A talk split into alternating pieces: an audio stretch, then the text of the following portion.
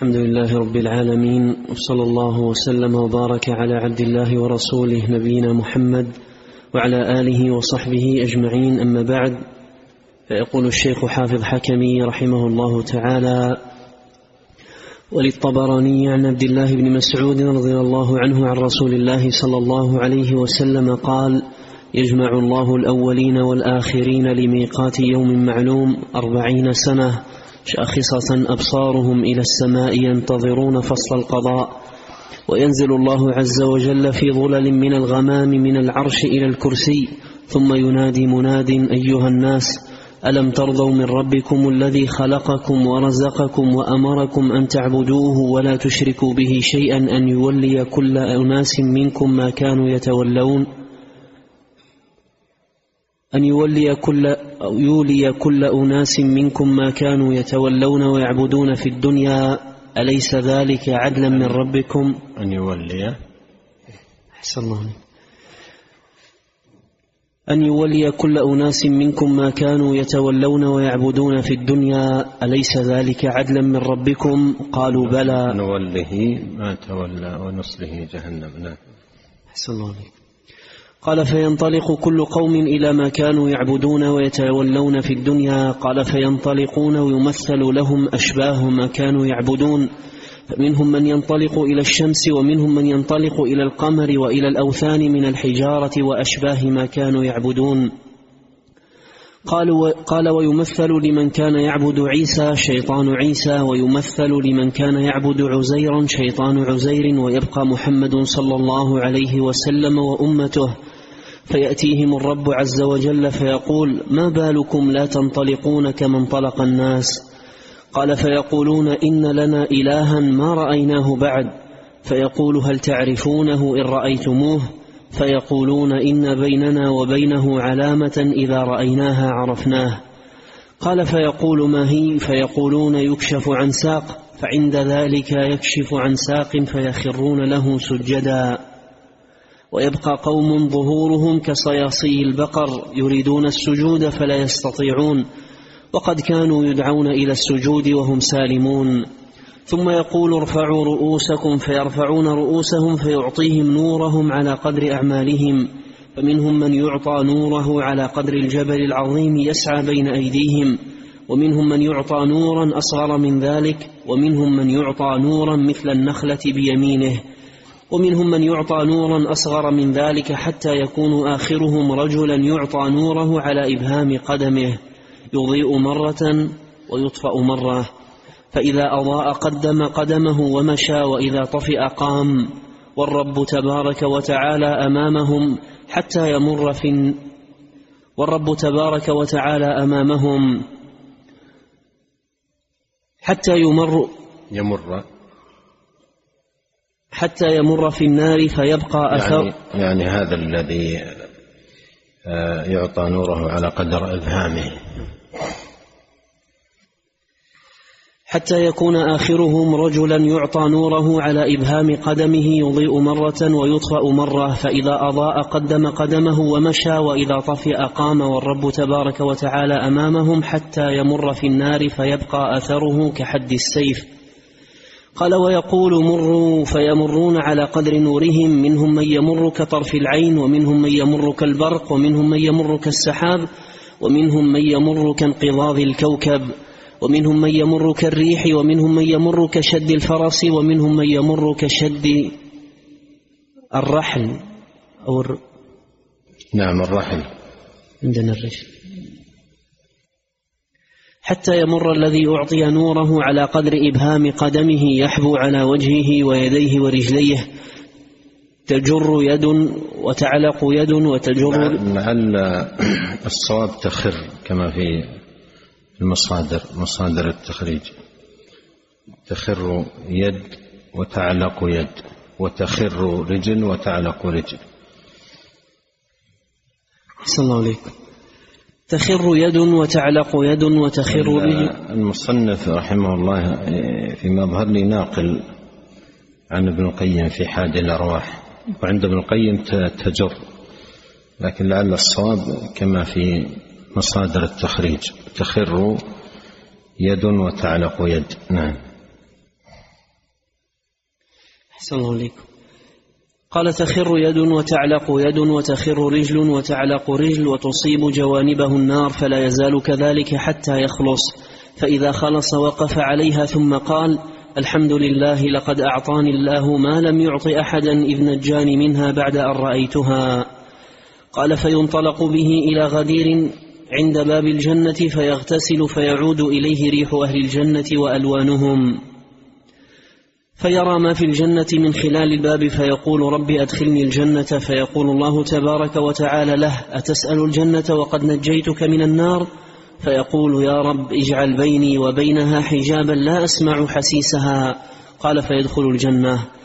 قال ويرى أو يرفع له منزل أمام ذلك كأنما الذي هو فيه إليه حلم ليدخله فيقول أو ليدخله فيقول ربي أعطني ذلك المنزل. فيقول فلعله فلعلك إن أعطيتكه تسأل غيره فيقول لا وعزتك لا أسأل غيره وأي منزل يكون أحسن منه؟ قال فيعطاه فينزله. قال ويرى أو يرفع له أمام ذلك منزل آخر ليدخله فيقول أي رب أعطني ذلك المنزل. فيقول الله عز وجل فلعلك إن أعطيتكه تسأل غيره. قال لا وعزتك لا أسأل غيره. وأي منزل يكون أحسن منه؟ قال فيعطاه فينزله. قال ويرى أو يرفع له أمام ذلك منزل آخر كأنما الذي هو فيه إليه حلم. فيقول رب أعطني ذلك المنزل. فيقول الله جل جلاله فلعلك إن أعطيتكه تسأل غيره. قال لا وعزتك لا أسأل غيره. وأي منزل يكون أحسن منه؟ قال فيعطاه فينزله ثم يسكت فيقول الله عز وجل ما لك لا تسأل فيقول رب قد سألتك حتى استحييتك وأقسمت لك حتى استحييتك فيقول الله عز وجل ألا ترضى أن أعطيك مثل الدنيا منذ خلقتها إلى يوم أفنيتها وعشرة أضعافه فيقول أتستهزئ بي وأنت رب العزة فيضحك الرب عز وجل من قوله قال فرأيت عبد الله بن مس عبد الله بن مسعود رضي الله عنه إذا بلغ هذا المكان من هذا الحديث ضحك. فقال له رجل يا أبا عبد الرحمن قد سمعتك تحدث بهذا الحديث مرارا. كلما بلغت هذا المكان من هذا الحديث ضحكت. فقال إني سمعت رسول الله صلى الله عليه وسلم يحدث بهذا الحديث مرارا. كلما بلغ هذا المكان من هذا الحديث ضحك حتى تبدو أضراسه. قال فيقول الرب عز وجل لا ولكني على ذلك قادر سل فيقول ألحقني بالناس فيقول الحق بالناس قال فينطلق يرمل في الجنة حتى إذا دنا من الناس رفع له قصر من درة فيخر ساجدا فيقال له ارفع رأسك مالك فيقول رأيت ربي أو تراءى لي ربي فيقال إنما هو منزل من منازلك قال ثم يلقى فيها رجلا فيتهيأ للسجود فيقال له مه فيقول رأيت أنك ملك من الملائكة. فيقول له إنما أنا خازن من خزانك عبد من عبيدك. تحت يدي ألف قهرمان على مثل ما أنا عليه. قال فينطلق أمامه حتى يفتح له القصر. قال وهو في درة مجوفة سقائفها وأبوابها وأغلاقها ومفاتيحها منها. تستقبله جوهرة خضراء مبطنة بحمراء. كل جوهرة تفضي إلى جوهرة على غير لون الأخرى في كل جوهرة سرر وأزواج ووصائف أدناهن حوراء عيناء عليها سبعون حلة. يرى مخ ساقها من وراء حللها كبدها مرآته وكبده مرآتها. إذا أعرض عنها إعراضة ازدادت في عينه سبعين ضعفا عما كانت قبل ذلك. فيقول لها والله لقد ازددت في عيني سبعين ضعفا فتقول له والله والله وأنت لقد ازددت في عيني سبعين ضعفا. فيقال له أشرف. قال فيشرف. فيقال له فيشرف. فيشرف. أحسن الله عليك. فيقال له ملكك مسيرة مائة عام ينفذه بصره. قال فقال عمر رضي الله عنه ألا تسمع إلى ما يحدثنا؟ ابن أم عبد يا كعب عن أدنى أهل الجنة منزلا فكيف أعلاهم قال كعب يا أمير المؤمنين فيها ما لا عين رأت ولا أذن سمعت. إن الله عز وجل جعل دارا فيها ما شاء من الأزواج والثمرات والأشربة ثم أطبقها فلم يرها من خلقه لا جبريل ولا غيره من الملائكة. ثم قرأ كعب فلا تعلم نفس ما أخفي لهم من قرة أعين جزاء بما كانوا يعملون. قال وخلق دون ذلك جنتين وزينهما بما شاء وأراهما من شاء من خلقه ثم قال من كان كتابه في عليين نزل تلك الدار التي لم يرها أحد حتى إن, حتى إن الرجل من أهل عليين ليخرج فيسير في ملكه فلا تبقى خيمة من خيام الجنة إلا دخلها من ضوء وجهه.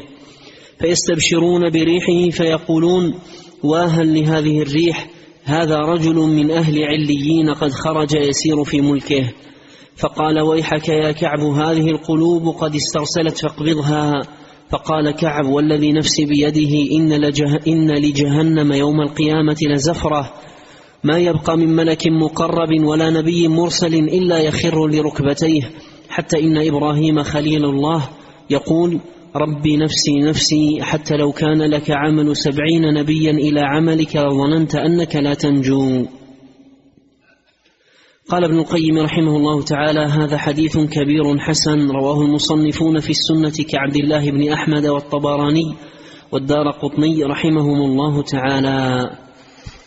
بسم الله الرحمن الرحيم الحمد لله رب العالمين وأشهد أن لا إله إلا الله وحده لا شريك له وأشهد أن محمدا عبده ورسوله صلى الله وسلم عليه وعلى آله وأصحابه أجمعين. اللهم علمنا ما ينفعنا وانفعنا بما علمتنا وزدنا علما وأصلح لنا شأننا كله ولا تكلنا إلى أنفسنا طرفة عين.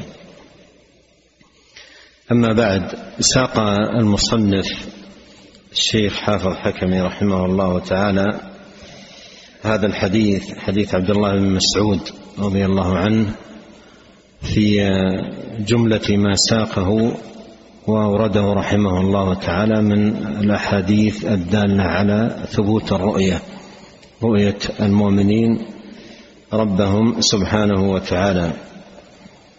والشاهد من الحديث قوله ويبقى محمد صلى الله عليه وسلم وأمته فيأتيهم الرب عز وجل فيقول ما بالكم لا تنطلقون كما انطلق الناس قالوا فيقولون إن لنا إلها ما رأيناه بعد قال فهل تعرفونه إن رأيتموه قالوا بيننا وبينه علامه إلى آخره هذا موضع الشاهد من الحديث وفيه ثبوت الرؤية رؤية المؤمنين ربهم سبحانه وتعالى.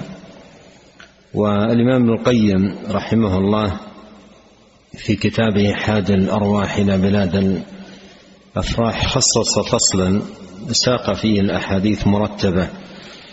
والمصنف رحمه الله تعالى استفاد كثيرا من جمع ابن القيم رحمه الله تعالى. ونقل أيضا بعض أحكامه مثل ما جاء في آخر هذا الحديث. قال ابن القيم حديث حسن كبير. هذا ذكره في كتابه حادي الأرواح رحمه الله تعالى. فالشاهد هنا أن المؤمنين يرون الله سبحانه وتعالى ويكشف عن ساق فعند ذلك يخرون له سجدا. قال ويبقى قوم ظهورهم كصياصي البقر وصياصي البقر قرونها. و من صفته أنه صلب ممتد لا ينثني. فتبقى ظهورهم مثل صياصي البقر أي لا تنثني صلبة. يريدون السجود فلا, فلا يستطيعون لأنهم دعوا إلى السجود وهم سالمون أجسامهم سليمة ولكنهم كانوا ليسوا من أهل الصلاة وإن قاموا إليها قاموا كسالى كما ذكر الله سبحانه وتعالى في صفاتهم في كتابه سبحانه وتعالى. وذكر في هذا الحديث قسم الأنوار قسم الأنوار في ذلك اليوم وقسمها جاء في أحاديث لأن لأنه كما جاء في الصحيح صحيح مسلم يكون قبل الجسر ظلمة الجسر الذي ينصب على متن جهنم. قال لما سئل أين الناس؟ قال يكونون في ظلمة دون الجسر. فدون الجسر قبله يكون الناس في ظلمة وفي تلك الظلمة تقسم الأنوار تقسم الأنوار. ويتفاوت الناس فيما ينالونه من أنوار بحسب أعمالهم وطاعاتهم وعباداتهم لله حتى إن منهم لضعف عمله وضعف إيمانه يعطى من النور على قدر إبهام قدمه. وأيضا ليس مضيئا طوال الوقت بل يضيء مرة ويطفأ أخرى. فإذا أضاء تقدم وإذا طفئ وقف. ثم يكون ثم يكونون في سرعة مرورهم على الجسر الذي ينصب على متن جهنم على قدر هذه الأنوار والأنوار على قدر الإيمان والطاعة. طاعة الله سبحانه وتعالى. الحديث ذكر ابن القيم أن إسناده حسن وأيضا ذكر آه، ذلك بعض أهل العلم لكن في بعض ألفاظه نكارة. في بعض ألفاظ الحديث نكارة. وقد أشار الذهبي رحمه الله تعالى إلى هذا المعنى. فالحديث في بعض ألفاظه آه، نكارة. من ذلكم ما جاء فيه. في قوله فينطلق يرمل في الجنة حتى إذا دنا من الناس رفع له قصر من درة فيخر ساجدا. فيقال له ارفع رأسك مالك فيقول رأيت ربي. يعني عندما رأى القصر سجد للقصر قال رأيت ربي أو تراءى لي ربي فيقال إنما هو منزلك. قال ثم يلقى فيها يلقى فيها رجلا فيتهيأ للسجود فيقال له فيقال له مه. ماذا تصنع؟ فيقول رأيت أنك ملك من الملائكة. أيضا هذا فيه نكارة يعني رأى أنه ملك ويهم بالسجود ويهم بالسجود له. قال رأيت أنك ملك. يعني في الأولى رأى القصر فسجد قال تراءى لي ربي. ثم رأى رجلا فهم بالسجود له فقيل له فقال رأيت أنك ملك من الملائكة. هذا فيه فيه نكارة. الحديث في بعض ألفاظه نكارة وكثير منه له شواهد في الصحيحين وغيرهما. وموضع الشاهد من الحديث له أيضا شواهد تدل على صحته. نعم. قال رحمه الله تعالى وروى يعقوب بن سفيان عن علي بن أبي طالب رضي الله عنه قال قال رسول الله صلى الله عليه وسلم يزور أهل الجنة الرب تبارك وتعالى في كل جمعة وذكر ما يعطون قال ثم يقول الله تبارك وتعالى اكشفوا حجابا. فيكشف حجاب ثم حجاب ثم يتجلى لهم تبارك وتعالى عن وجهه فكأنهم لم يروا نعمة قبل ذلك. وهو قوله تبارك وتعالى ولدينا مزيد. نعم هذا الحديث حديث علي رضي الله عنه قال يزور نعم أهل الجنة الرب تعالى في كل جمعة وذكر ما يعطون. آه، إلى آخر الحديث وأن هذا هو المزيد. آه، إسناده فيه رجل يقال له عمرو بن خالد. كذبه الإمام أحمد وغيره من أهل العلم فالحديث لا يثبت. لكن تفسير المزيد في, في الآية أو الزيادة هذا ثابت مثل ما تقدم معنا في بعض الأحاديث وفي آثار كثيرة منقولة عن الصحابة وغيرهم من السلف. نعم. قال رحمه الله تعالى وفي الصحيحين عن أبي موسى رضي الله عنه عن النبي صلى الله عليه وسلم قال جنتان من فضة آنيتهما وما فيهما وجنتان من ذهب آنيتهما وما فيهما وما بين القوم وبين أن ينظروا إلى ربهم إلا رداء الكبرياء على وجهه في جنة عدن. نعم. ولأحمد عنه رضي الله عنه قال قال رسول الله صلى الله عليه وسلم يجمع الله عز وجل الأمم في صعيد واحد يوم القيامة. فإذا بدا لله عز وجل أن يصدع, أن يصدع بين خلقه مثل لكل قوم ما كانوا يعبدون فيتبعونهم حتى يقحموهم النار. ثم يأتينا ربنا عز وجل ونحن على ما كان على مكان رفيع. ونحن على مكان ونحن على مكان رفيع فيقول من أنتم؟ فنقول نحن المسلمون. فيقول ما تنتظرون؟ فنقول ننتظر ربنا عز وجل. ربنا. ننتظر ربنا عز وجل. فيقول وهل تعرفونه إن رأيتموه؟ فنقول نعم إنه لا عدل له. فيتجلى لنا ضاحكا فيقول أبشروا يا معشر المسلمين فإنه ليس منكم أحد إلا جعلت في النار يهوديا أو نصرانيا مكانه. وفي رواية يتجلى لنا ربنا عز وجل ضاحكا يوم القيامة. في الإسناد إسناد هذا الحديث علي بن زيد بن جدعان ضعيف الحفظ. وقوله فإذا بدأ لله أن يصدع بين خلقه. مثل لكل قوم. في في هذا اللفظ كما نبه آه، أهل العلم في هذا اللفظ في نكارة فإذا بدأ لله عز وجل أن يصدع بين خلقه والتجلي الذي جاء في الحديث هذا ثابت في يعني له ما يشهد له له ما يشهد له في السنة الصحيحة الثابتة عن رسول الله صلى الله عليه وسلم. نعم.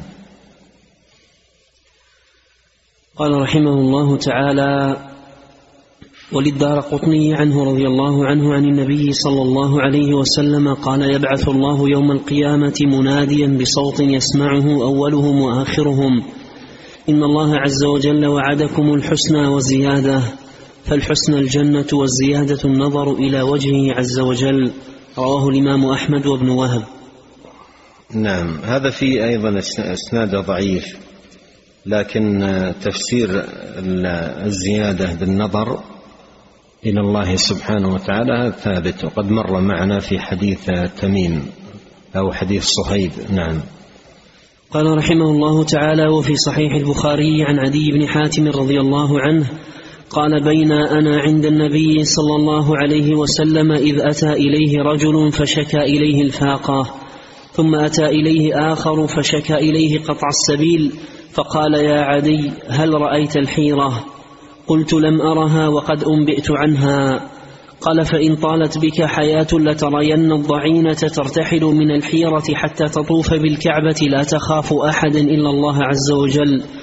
قلت فيما بيني وبين نفسي فأين دعار طيء الذين سعروا البلاد؟ دعار طيء جمع داعر وهو الخبيث المفسد يعني الذي استجمع شرا وخبثا وفسادا.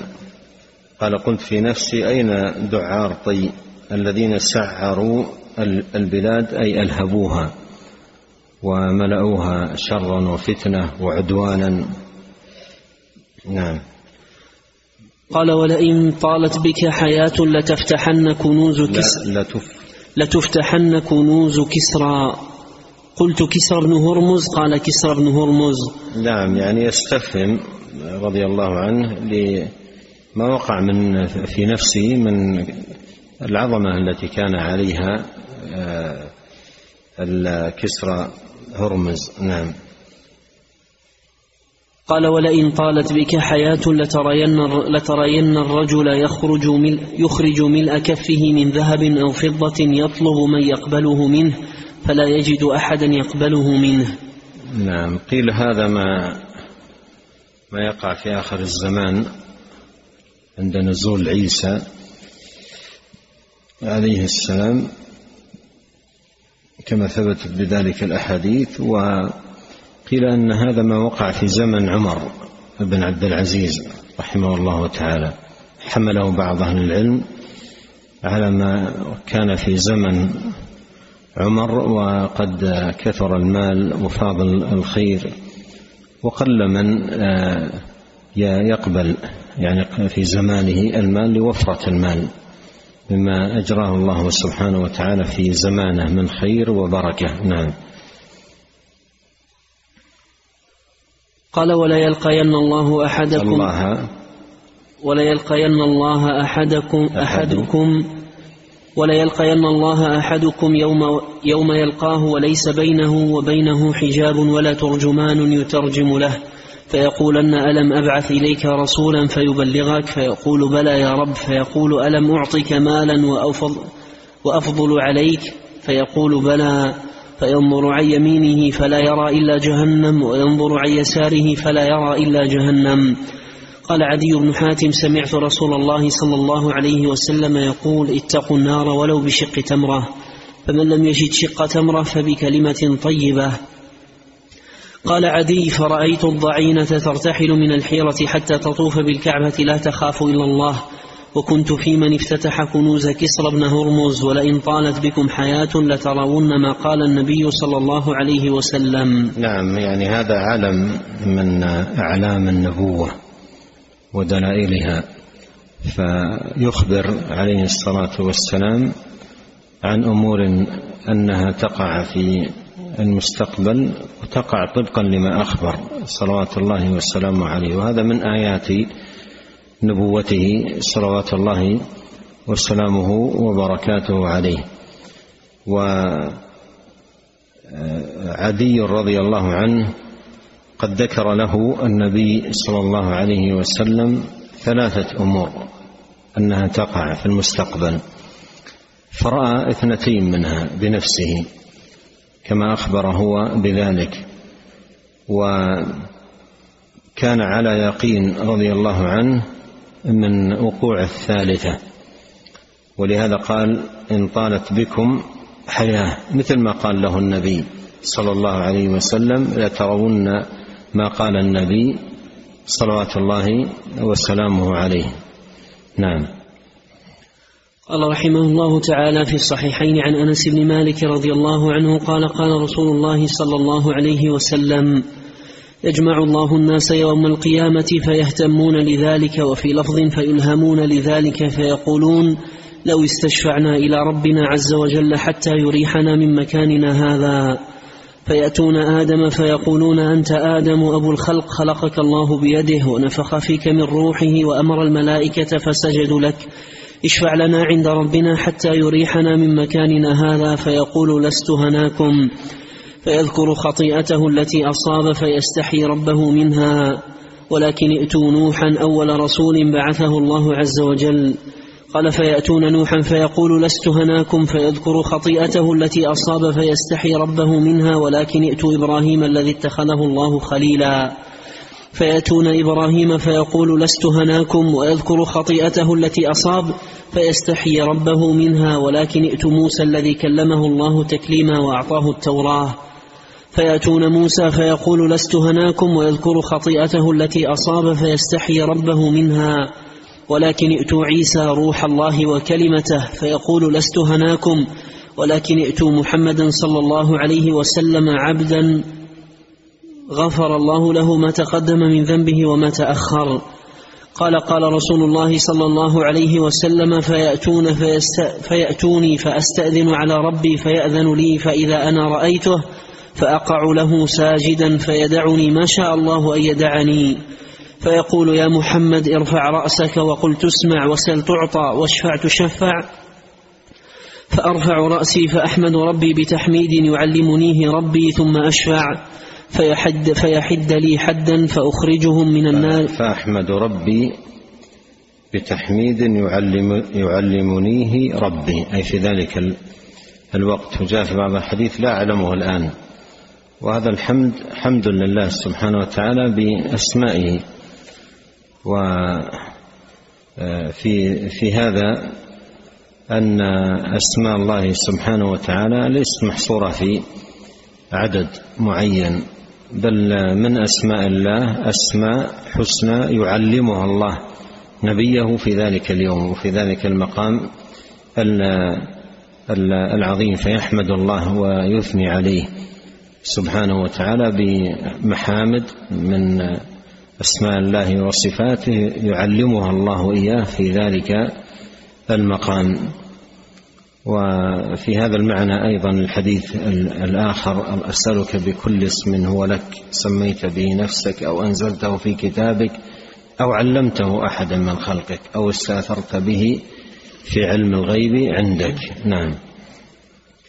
أحسن الله عليك. قال رحمه الله تعالى قال ثم أشفع فيحد لي حدا فأخرجهم من النار وأدخلهم الجنة. ثم أعود فأقع ساجدا فيدعني ما شاء الله أن يدعني ثم يقال ارفع رأسك يا محمد. قلت اسمع وسل تعطى واشفع تشفع فأرفع رأسي فأحمد ربي بتحميد يعلمنيه ربي ثم أشفع فيحد لي حدا فأخرجهم من النار وأدخلهم الجنة. قال فلا أدري في الثالثة أو الرابعة. قال فأقول يا رب ما بقي في النار إلا من حبسه القرآن. أي وجب عليه الخلود؟ إن الله لا يغفر أن يشرك به. إن الله لا يغفر أن يشرك به ويغفر ما دون ذلك لمن حبسه القرآن. لأن لأن قوله عز وجل إن الله لا يغفر أن يشرك به أي من مات في حق من مات على ذلك. فمن مات على الشرك لا مطمع لا مطمع له إطلاقا. في رحمة الله. لا مطمع له إطلاقا في رحمة الله ولا مغفرته ولا نجاة له من النار بل هو مخلد فيها أبد الآباد. لا تنفعهم شفاعة الشافعين ولا ينالون شيئا من رحمة رب العالمين. حبسهم القرآن إن الله لا يغفر أن يشرك به. وقوله إن الله لا يغفر أن يشرك به هذا في حق من مات على ذلك. ولهذا لا تنافي بين هذه الآية وبين قوله في سورة الزمر إن الله يغفر الذنوب جميعا أي حتى الشرك. لأن آية الزمر في من تاب لا تقنطوا أي توبوا. وآية النساء آية النساء في حق من مات على ذلك. وقد جاءت هذه الآية في موطنين من سورة النساء. فالأولى ختمت بقوله فقد افترى إثما عظيما والثانية ختمت بقوله فقد ضل ضلالا بعيدا لأن السياق الأولى عن أهل الكتاب والسياق الثاني عن المشركين والأولون شركهم افتراء على الله والآخرون شركهم ضلال وانحراف. عن صراط الله المستقيم. قال فقد ضل لأن شركهم ضلال والأولون شركهم افتراء على الله سبحانه وتعالى. نعم. صلى الله عليه قال قال رحمه الله تعالى وفي رواية لابن خزيمة يلقى الناس يوم القيامة ما شاء الله أن يلقوه من الحبس فيقولون انطلقوا يعني يلقون ما يلقونه من الحبس أي طول القيام وطول مدة القيام في ذلك اليوم. نعم. فيقولون انطلقوا بنا إلى آدم فيشفع لنا إلى ربنا فذكر الحديث إلى أن قال فينطلقون إلى محمد صلى الله عليه وسلم. فأقول أنا لها فأنطلق حتى أستفتح باب الجنة فيفتح لي فأدخل. وربي على عرشه فأخر ساجدا. وذكر نعم. الحديث. وهو أول من يدخل باب الجنة وأول من يستفتح له بابها عليه الصلاة والسلام. نعم. وفي رواية فأستأذن على ربي فإذا رأيته وقعت ساجدا. وفي رواية فآتي ربي وهو على سريره أو كرسيه فأخر له ساجدا. على سريره أو على كرسيه مثل ما تقدم في الرواية الأولى على عرشه. فأدخل على وربي على عرشه. نعم. وساقه ابن خزيمة بسياق طويل وقال فيه فأستفتح فإذا نظرت إلى الرحمن وقعت له ساجدا. نعم يعني فيه إثبات النظر. نعم.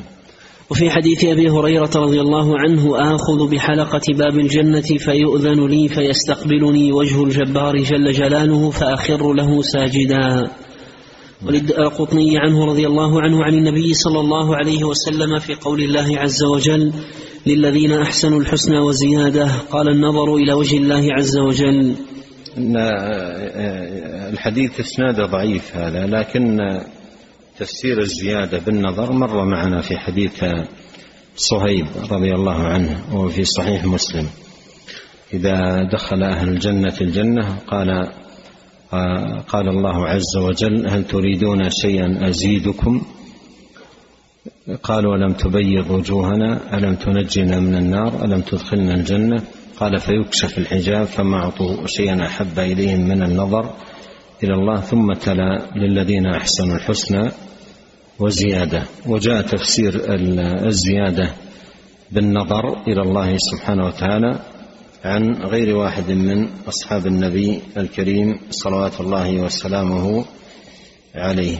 نكتفي بهذا. نسأل الله الكريم أن ينفعنا أجمعين بما علمنا وأن يزيدنا علما وتوفيقا وأن يصلح لنا شأننا كله وأن لا يكلنا إلى أنفسنا طرفة عين وأن يغفر لنا ولوالدينا ولمشايخنا ولولاة أمرنا وللمسلمين والمسلمات والمؤمنين والمؤمنات الأحياء منهم والأموات سبحانك اللهم وبحمدك أشهد أن لا إله إلا أنت أستغفرك وأتوب إليك.